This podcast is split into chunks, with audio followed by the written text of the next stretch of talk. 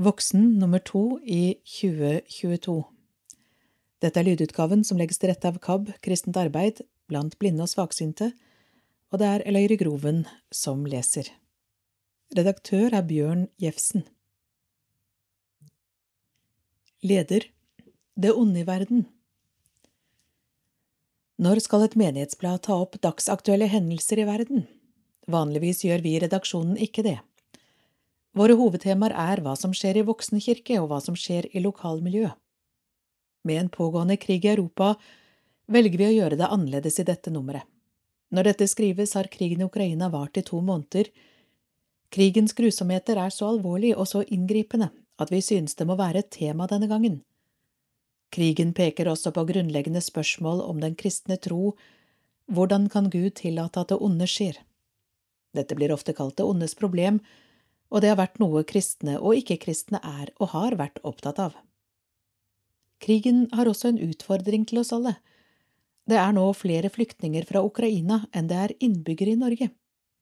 Hvordan tar vi imot flyktningene som kommer til Norge? På hvilke måter kan vi dele av det vi har, med dem som har mistet alt? Menighetsrådet i Voksen har noen konkrete tilbud som presenteres i dette nummeret. Videre er det et annet tema om ondskap og urettferdighet, der representanter fra kirken spilte en avgjørende rolle for å endre dette. Martin Luther King jr. brukte kristen forkynnelse til å motarbeide den systematiske diskrimineringen som fargede ble utsatt for i USA. Martin Luther King jr. ble drept, men den har blitt redusert, selv om diskrimineringen fortsatt finnes. Kanskje kan denne historien gi håp om en løsning også for det som virker så totalt håpløst som den forferdelige krigen i Ukraina. Sammen av sogneprest Hans Åge Gravås Vi bygger for mange murer og ikke nok broer, skal Isaac Newton ha sagt.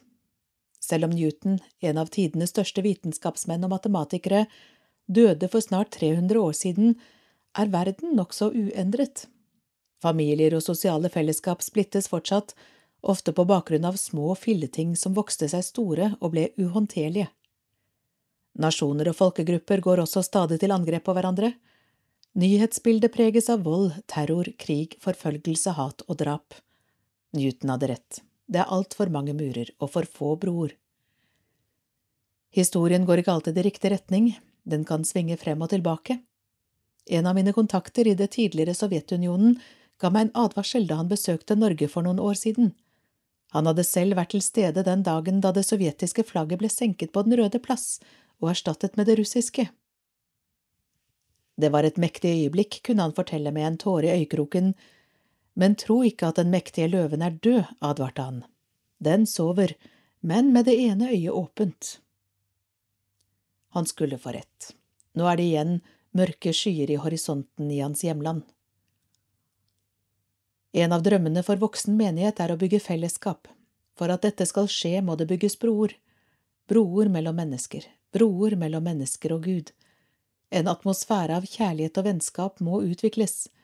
Vi må våge å bli kjent med hverandre, dele liv og erfaringer og gå noen steg sammen.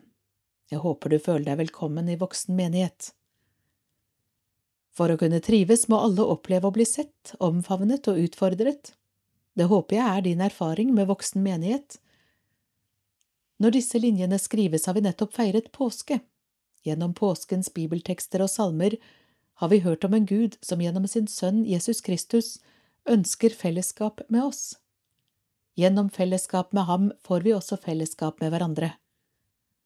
Apostelen Johannes skriver, Det som vi har sett og hørt, forkynner vi også for dere, for at dere skal ha samfunn med oss, vi som har samfunn med Faderen og Hans Sønn Jesus Kristus.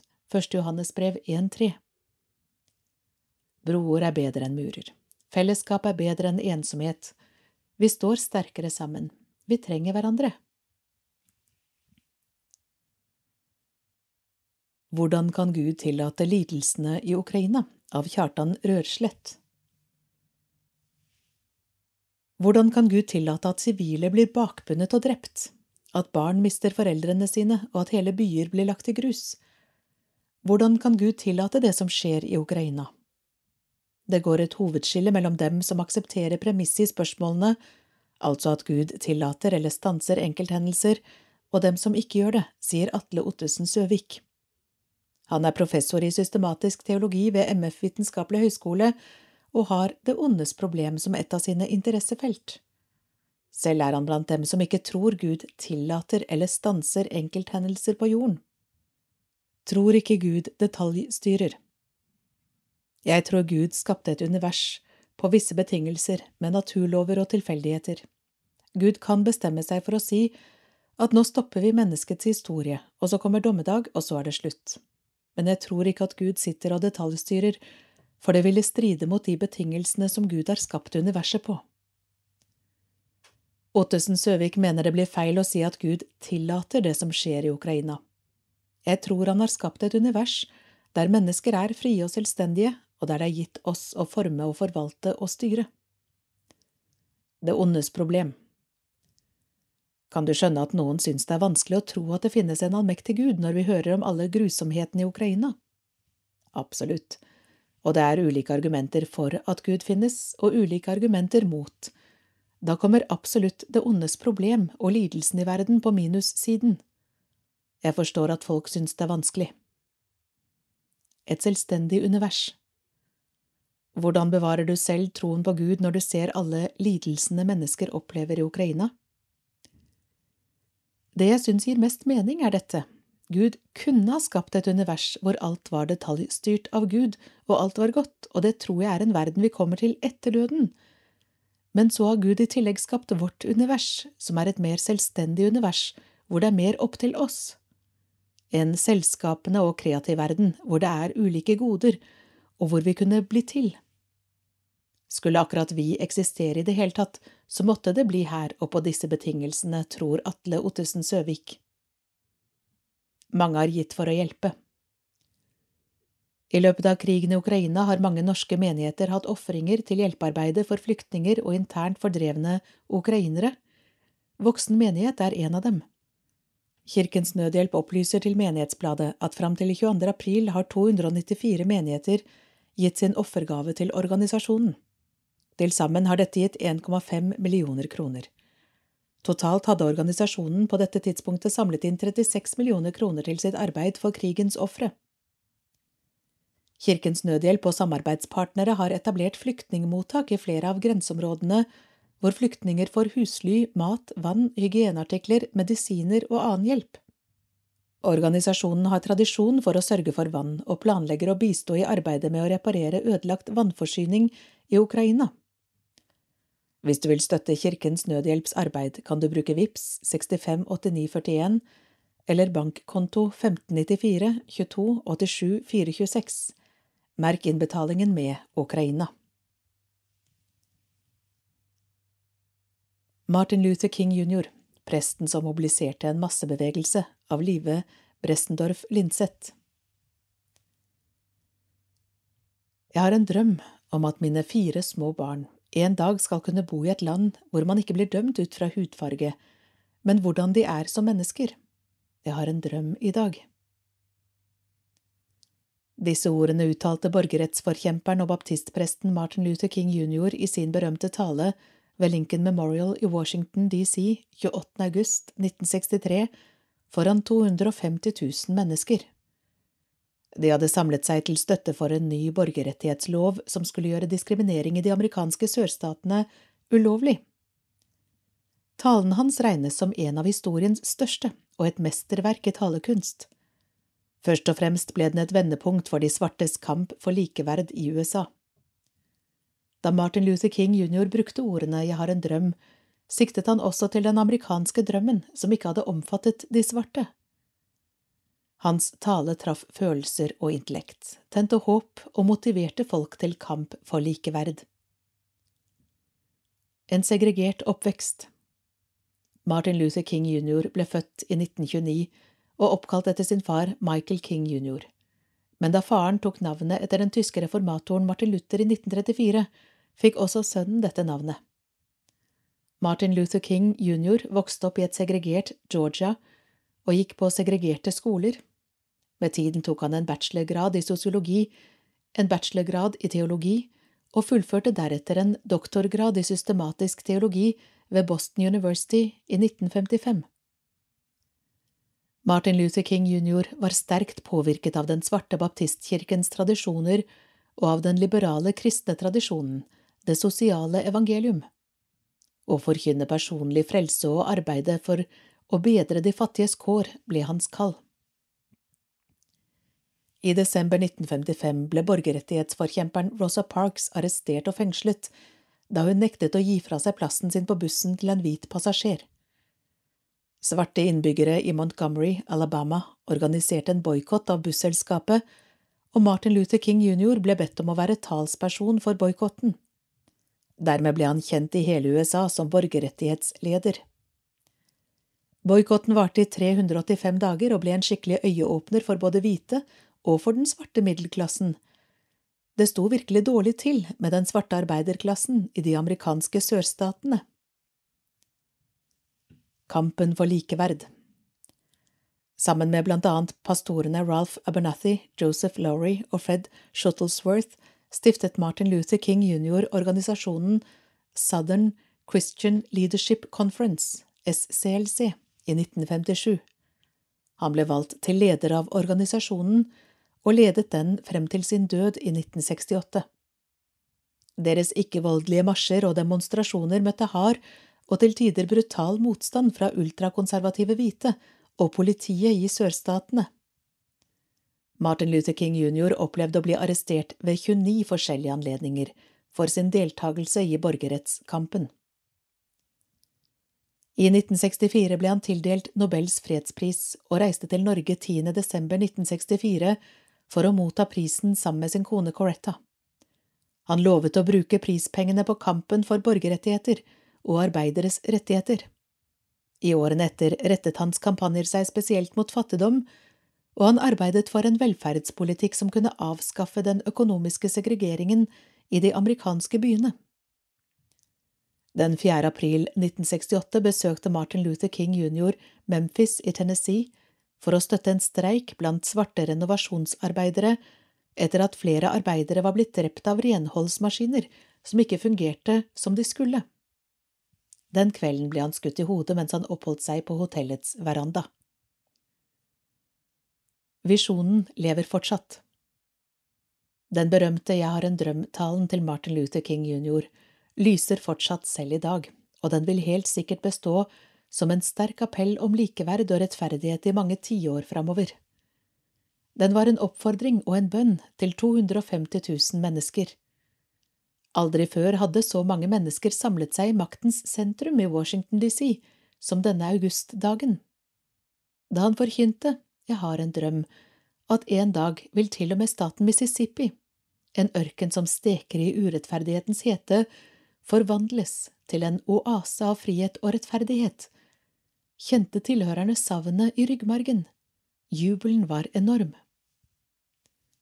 Talen markerte høydepunktet av borgerrettighetskampen, og den utgjør en viktig del av verdenshistorien. Ingen kunne stille seg nøytral. Folk ble revet med. Martin Luther King jr. var ikke bare en dyktig taler, han hadde en sak han brant for, en visjon, og med sin bakgrunn som baptistprest visste han hvordan han skulle nå frem til sjelene. Pinsen, Den glemte høytiden, spørsmålstegn, av Einar Vettvik. Pinsen feires på forsommeren, på en tid da naturen i Norge er på sitt friskeste og vakreste. Den kommer 50 dager etter påsken og heter derfor Pentecost på engelsk. For meg har pinsen alltid vært en flott tid. Men det klare inntrykket er at både for kirken og i samfunnet ellers kommer pinsen i skyggen av de to andre kristne hovedhøytidene jul og påske. En grunn til dette kan være at jul og påske fremstår som mer konkrete hendelser enn pinsen. Julens fortelling om Gud som blir menneske gjennom barnet i krybben, er vakker og feires av de fleste. Påsken med sitt dramatiske budskap om Jesu lidelse og død, fulgt av oppstandelsen på påskemorgen, står som det sentrale kristne evangelium. Jesus døde for oss, han overvant døden og lever i dag. Pinsens budskap Budskapet om pinsen er den viktige fortsettelsen av dette. Pinsen er kirkens fødselsdag. Den dagen ble over 3000 mennesker døpt. Pinse betyr at Gud kom til jorden gjennom Den hellige ånd og skapte kirken. Sammenhengen er at etter Jesu oppstandelse kom Kristi himmelfart, ti dager før pinseunderet. På Kristi himmelfartsdag minnes kirken at Kristus forlot denne verden og dro til Gud. I sin tale til disiplene før himmelfarten sa Jesus, Jeg etterlater dere ikke alene, jeg kommer til dere. Johannes 14, 18. Han fortalte at talsmannen, Den hellige ånd, vil bli sendt av Gud. Han skal lære dem alle ting og gi Guds fred. Ånden er en kraft som hjelper mennesker til å tro på Gud og leve som kristne. Den gir indre styrke, kraft, inspirasjon og veiledning i livet. Pinsen betyr at den troende ikke er etterlatt alene, men at Gud fortsatt er med hver enkelt. Det burde Kirken løfte enda klarere frem som pinsens hovedbudskap. Pinsefortellingen Pinsefortellingen i Det nye testamentet er at disiplene var samlet i Jerusalem. Da hørte de en lyd fra himmelen som når det kommer en storm, og de så tunger av ild som delte seg og satte seg på hver enkelt av dem. De ble fylt av Den hellige ånd og begynte å tale i tunger. Symbolet for Den hellige ånd er duen. Lyden ble også hørt av en stor folkemengde som var samlet.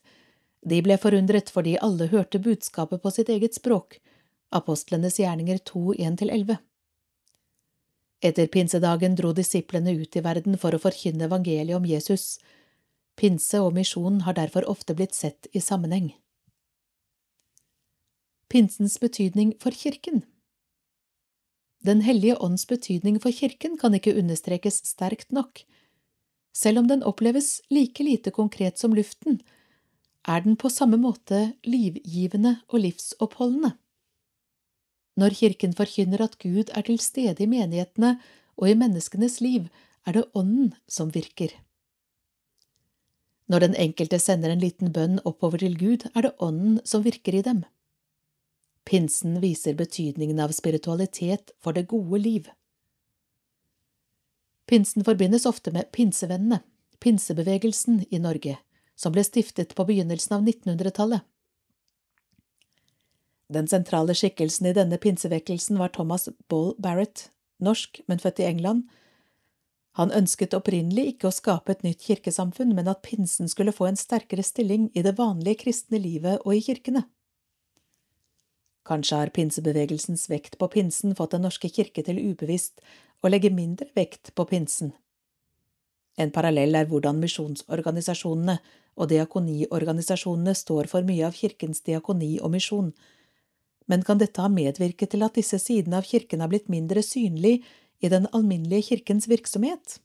Uansett, Den norske kirke burde gjøre klart mer for å løfte frem pinsen som en like sentral høytid som jul og påske. I et trosperspektiv er den tredje trosartikkel like viktig del av helheten som de to første trosartiklene. Voksen, det var en gang av Live Brestendorf Linseth. Når du spaserer mellom villaer, rekkehus og blokker i vårt nærområde, hvor ofte slår det deg at omgivelsene så helt annerledes ut i middelalderen og helt fram til begynnelsen av forrige århundre? En gang tilhørte dette området Voksen gård og strakte seg til Bogstadvannet og innover i Sørkedalen.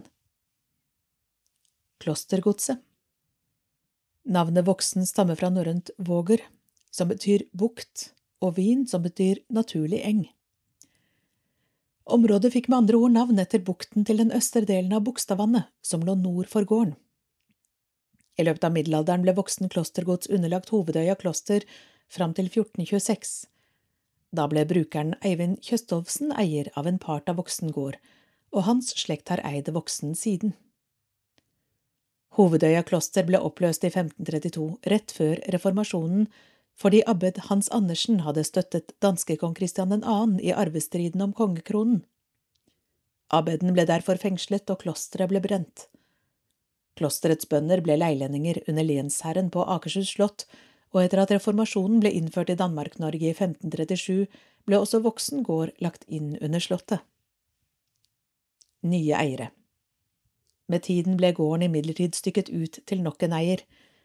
I 1613 eide Bjørn Voksen en part i Vestre Voksen, der han og familien bodde, og dyrket jorden. I 1660-årene solgte kongen Østre Voksen til lagmann i Kristiania, Nils Hansen, men hans arvinger solgte senere gården til eieren av Vestre Voksen, Lauritz Voksen, i 1672. Etter ham ble gården på nytt delt mellom arvinger, og i 1727 satt to brødre som eiere på hver sin gård, Lars på Østre Voksen og Carl på Vestre Voksen. Barna til Carl solgte Vestre Voksen til Lars i 1772, og han ble dermed eier av hele Voksen. Lars delte gårdene mellom sønnene Jon og Lars Voksen i 1801. Det var viktig at sønnene fikk like mye hver, med like mye god og dårlig jord, like mye skog og like mange husdyr. Resultatet ble at begge gårdene ble tungvinte å drive, for eksempel fikk begge jorder i Sørkedalen og jorder mot Røa. Mangfoldig aktivitet I 1806 skrev Lars Larsen Voksen en avtale med Peder Anker på Bogstad, der Voksen gård bortforpaktet et jordstykke sør for Bogstadvannet, til Peder Anker, mot at Peder Anker leverte to skipphund, ca 159,7 kilo, korn hvert år. Dette jordstykket er i dag Bogstad golfbane. På 1700-tallet ble Voksen teglverk etablert ved Ankerveien sør for krysset med dagens Olav Bulls vei og sørvest for plassen Grindbakken.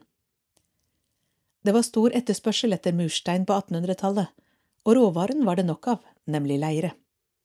I 1865 var seks mann i arbeid på teglverket. En smie lå der Peder Ankers plass er i dag, den ble drevet av en smed som hadde et våningshus og uthus. Smia ble også brukt til lager for teglstein fra teglverket og plankestabler fra sagbruket i nærheten.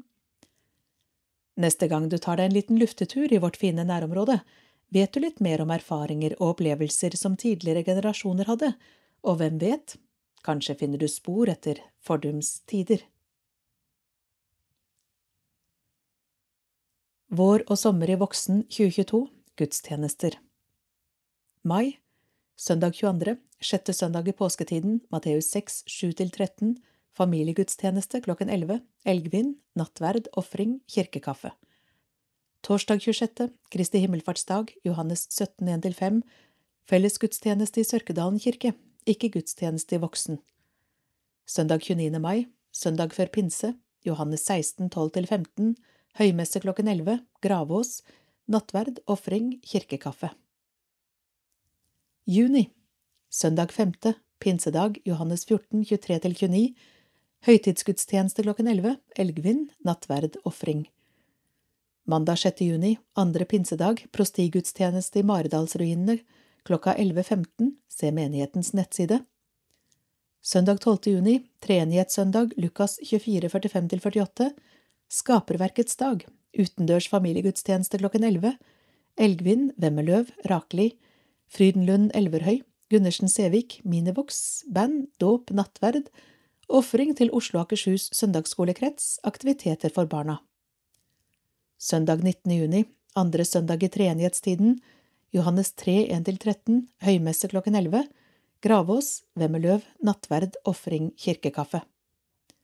Søndag 26. juni, tredje søndag i treenighetstiden, Markus 10, 13–16, høymesse klokken 11, Elgvin, Vemmeløv, dåp, nattverd, ofring, kirkekaffe.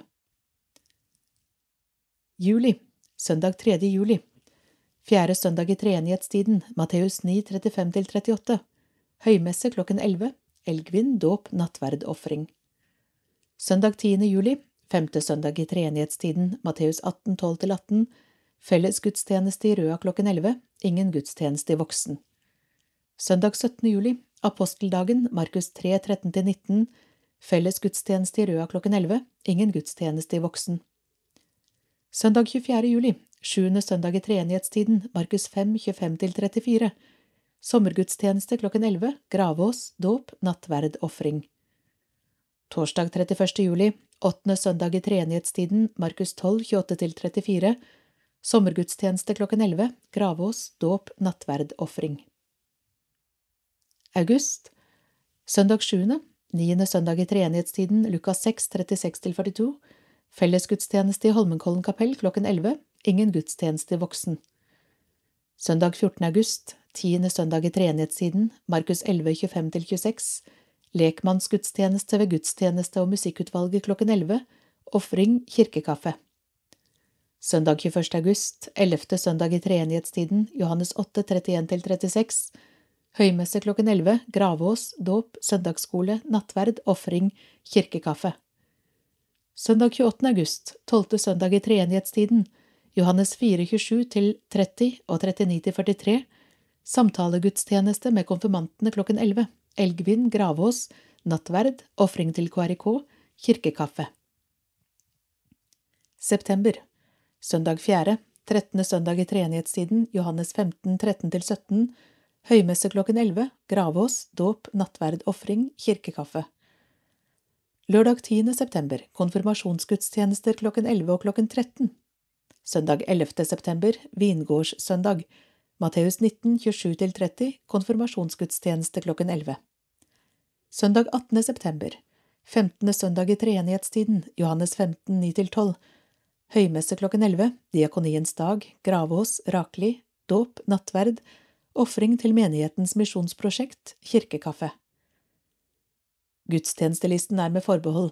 Se våre nettsider kirken.no voksen eller avis for flere detaljer og eventuelle endringer. Ønskes det skyss til gudstjenestene, ta kontakt med menighetskontoret på hverdagene, telefon 23 62 94 50. Ansvarlig er diakonen Espen Rakli. Faste aktiviteter sommer og høst 2022 Åpen kirkestue Sommeråpen kirkestue i Voksen kirke, hver torsdag klokken tolv, se program i egen omtale. Frokosttreff for menn Lørdagene 3. september, 1. oktober og 5. november klokken 8.30 til 10. Hyggelig samvær rundt en god frokost, ingen påmelding, pris kroner 70. Menighetens bønnefellesskap Velkommen til bønnesamling i kirken torsdager klokken sju til åtte. Bønnefrokost i kirkestuen Velkommen til bønnefrokost i kirkestuen klokken 8.30 til 10, lørdagene 17. september, 15. oktober og 19. november. Ta med egen mat, det serveres kaffe og te. Voksen kirkekor, øvelse tirsdager klokken 19 til 21.15. Åpen kirke. Voksen kirke er åpen hver tirsdag og torsdag klokken 10 til 14. Ta tid til en stund med stillhet og ro. Globen er tent, tenn et lys, skriv en bønn til bønnekrukken. Det vil til visse tider foregå aktiviteter i kirken som kan forstyrre noe. Babysang og småbarnssang 0 til 3 år, tirsdager klokken 11 til 13. Søndagsskole fra tre år. For å se datoer for søndagsskolen, se hjemmesiden under fanen Barn søndagsskole. Minivox, kor for tre til seks år, barnekor hver onsdag klokken 17.30 til 18.15. Speideren andre til fjerde klasse, hver tirsdag klokken 18 til 19.30 ved Voksen kirke. KRIK Røa tredje til fjerde klasse, annenhver fredag klokken 17.30 til 18.45 i gymsalen på Voksen skole, KRIK Røa femte til sjuende klasse, annenhver fredag klokken 18.30 til 20 i gymsalen på Voksen skole. KRIK Røa sjuende til tiende klasse, annenhver fredag klokken 20 til 21.30 i gymsalen på Voksen skole. Ungdomsklubb for dem som er ferdig med konfirmasjonstiden, hver onsdag klokken 19 til 21.30. Ungdomskor fra 8. klasse, hver onsdag klokken 17.30 til 19. Se kirkens nettsider kirken.no voksen for flere detaljer og eventuelle endringer. Dette skjer i Voksen. Sommeråpen kirkestue i Voksen kirke. Gjennom hele sommeren fra og med torsdag 16. juni til og med torsdag 25. august ønskes velkommen klokken tolv til en enkel formiddagskaffe i Voksen kirke, kirkestuen. Ta med egen mat, kaffe og te serveres. Velkommen til høstens oppstart i Åpen kirkestue. Hver torsdag fra og med 1. september ønskes igjen velkommen til hyggelig treff klokken tolv i kirkestuen, hver gang med program klokken 13. Endringer i programmet vil kunne skje, følg med på menighetens hjemmesider. Familiegudstjenester for hele familien Vårens familiegudstjenester er følgende søndager, 22. mai og 12. juni, Skaperverkets dag. Dagstur med buss Torsdag 9. juni 2022 drar Voksen menighet på dagstur til Ramme gård ved Hvitsten. Ramme gård er et nytt kultursenter som er bygget opp av Petter Olsen. Her er et fantastisk parkanlegg, galleri, gårdsbutikk, kafé og restaurant og hotell. Stedet er knyttet til Edvard Munchs hjem, som er under restaurering. Turen er så populær at den er fulltegnet. Årets fasteaksjon Årets fasteaksjon i Voksen brakte inn 70 039 kroner. 250 kroner rekker til å gi et menneske tilgang til rent vann resten av livet. Dermed har Voksen menighet vært med på å gi 280 mennesker rent vann for resten av livet. Konfirmanter, barn fra søndagsskolen og noen få andre sprekinger løp eller gikk runder rundt kirken. Løperne hadde sponsorer som sponset løperne eller gåerne for hver runde. Det ga både moro og mening. Takk til alle som har bidratt i årets fasteaksjon. Barn og unge Trosopplæringstiltak vår og høst 2022 Gjennom trosopplæringen skal alle føle seg velkommen og få invitasjon til et arrangement en gang hvert år frem til barna fyller 18 år. Det er vekt på fellesskap og det mest sentrale i den kristne troen. Ett til toåringer Vårsemesteret har vi småbarnssang tirsdager fra klokken 11 til 13 for barn som er hjemme på dagtid. Fireåringer Fireåringene inviteres til samling onsdag 21. september og familiegudstjeneste med utdeling av fireårsbok søndag 25. september. Femåringer Femårssamling med tema Guds skaperverk, Vårt felles hjem 12. juni klokken 10 og gudstjeneste Skaperverkets dag klokken 11. Sjuende klasse til topps med bruskasseklatring i kirketårnet fredag 10. juni. Samarbeid med KRIK Røa, som har sin sommeravslutning. Babysang Hver tirsdag er det babysang klokken 11 til 13 i kirken, med sang, sosialt samvær, kaffe og medbrakt lunsj. Tilbudet er for alle, uavhengig av tro og kirketilknytning. Følg med på våre nettsider for mer informasjon. Minivox Minivox er en sangla gjeng mellom tre og seks år som møtes en gang i uken for å øve. De deltar også på familiegudstjenester. Er du glad i å synge, bli med. Det er øvelse på onsdager fra klokken 17.30 til 18.15. Søndagsskolen Søndagsskolen samles på enkelte søndager under gudstjenestene. På søndagsskolen lærer barna om Jesus og bibelfortellinger. Ta kontakt med Roald for spørsmål Roald Eskildsen at gmail.com. Ungdomsklubb På onsdager er det ungdomsklubb klokken 19 i kirken for dem som er over konfirmantalder. På klubb gjør vi forskjellige aktiviteter som å spille spill, snakke sammen, se film, generelt å være sammen. Speideren Speideren er for jenter og gutter i andre til fjerde klasse. Det er møter på tirsdager klokken 18 til 19.30 ved Voksen kirke, det er plass til flere jenter og gutter som vil være med i speideren. KRIK Røa KRIK står for kristen idrettskontakt og kombinerer tro og idrett. I samarbeid med Røa tilbys et opplegg for barn og unge mellom tredje og tiende klasse med trening på voksen skole. Det finnes tre grupper med aktiviteter annenhver fredag for alle tre gruppene. Følg med på kirkens nettsider for informasjon.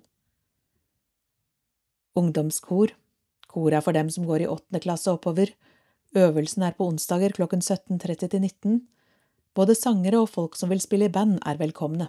Det er en blanding av kristne sanger og andre popsanger. Lederkurs Voksne har lederkurs for fjorårets konfirmanter, der de lærer å bli ungdomsleder. Lederkurs er en onsdag i måneden fra 17.30 til 19. Konfirmantleir 9. til 13. august skal årets konfirmantkull, dyktige ungdomsledere, voksne frivillige og ansatte være med på sommerleir på Kjellholmen leirsted på Hvaler. Tema for leiren er perlene i Kristuskransen. Hver perle handler om noe ved livet og Gud. Gudsperlens bønn, som konfirmantene skal lære, er inspirert av havet rundt øya der leiren er. Barnas påskedag 24. april var det Barnas påskedag i Voksen. Den samme helgen var det tårnagenthelg for barn i andre og tredje klasse. I alt var det 18 tårnagenter og fem miniledere som deltok denne helgen. Som tårnagenter løste barna oppdrag og utforsket kirken, klokkene og kirketårnet. Under gudstjenesten på Barnas påskedag spilte barn som hadde vært med på tårnagenthelg sammen med miniledere, hele påskefortellingen fra palmesøndag til påskedag. Spillet var sterkt å se på for menigheten, og barna fikk oppleve påskefortellingen på en aktiv og engasjerende måte. Som de fire småenglene sa i kor til kvinnene ved graven i påskespillet, han lever. Innsettelse av ny sogneprest Søndag 6. mars var det innsettelse av ny sogneprest i voksen menighet. Hans Åge Gravås ble presentert i forrige nummer av Menighetsbladet, og han hadde sin første gudstjeneste denne søndagen. Den høytidelige innsettelsen ble ledet av biskopen i Oslo bispedømme, Kari Weiteberg. Grønn spalte Kirken og miljøutfordringene av Bjørn Jefsen På kirkemøtet i november i fjor vedtok Den norske kirkes øverste organ saken Mer himmel på en truet jord om kirkens arbeid med klima, miljø og bærekraft. Kirkerådets leder Kristin Gunnleiksrud Råum påpekte i åpningstalen at det ikke skal herske tvil om kirkens engasjement for et truet skaperverk. Dette angår en kirke som bekjenner Gud som skaper av universet og alt som lever. Saken som ble vedtatt, består av 24 områder og tiltak som skal følges opp i årene som kommer. Kirken forplikter seg til å redusere egne utslipp og kutte egne klimagassutslipp for å bli klimanøytral innen 2030. Kirken skal også utfordre seg selv og andre til handling for å nå klimamålene.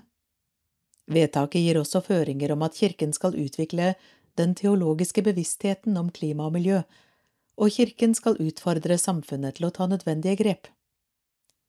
Et av de 24 punktene førte til offentlig debatt der kirken ble kritisert for å blande seg opp i politiske spørsmål. Kirkemøtet valgte å be regjeringen om å lytte til faglige råd fra FN og Det internasjonale energibyrået om å stanse ytterligere leteaktivitet etter olje og gass på norsk sokkel. Det reiste spørsmålet om hva kirken kan og bør mene noe om, men kritikerne la ingen vekt på de 23 andre punktene i vedtaket, og er det politisk å be politikere om å lytte? Hovedsaken må uansett være at kirken er engasjert i miljøutfordringene.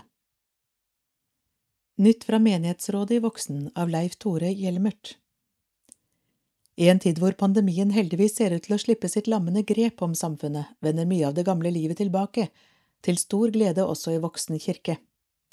Gudstjenestene går som normalt. Torsdagstreff på formiddagen og onsdagstreff, en rekke kvelder med interessante foredrag, er tilbake. Kor, speider og annet ungdomsarbeid er i full gang igjen. Det samme er bibelgrupper, bønnemøter og mye mere. Ny sogneprest er på plass, og stillingene som kantor og daglig leder er utlyst. Vi håper på gode søkere. Men ikke før covid-19 har sluppet taket, dukker en ny og enda mer uforståelig krise opp i Europa. Russland invaderer nabolandet Ukraina og millioner av flyktninger oversvømmer Europa. Mange kommer også til Norge, og i skrivende stund har ca 20 000 kommet til vårt land. Vi må ta imot dem med kjærlighet. De to hyblene vi har i kirken, kan huse noen flyktninger, og det er meldt inn til bydelen. De skal finne aktuelle flyktninger, og de vil ha ansvar for skole, helse og annen oppfølging, men de blir boende i voksenkirke. Vi må ta godt vare på dem.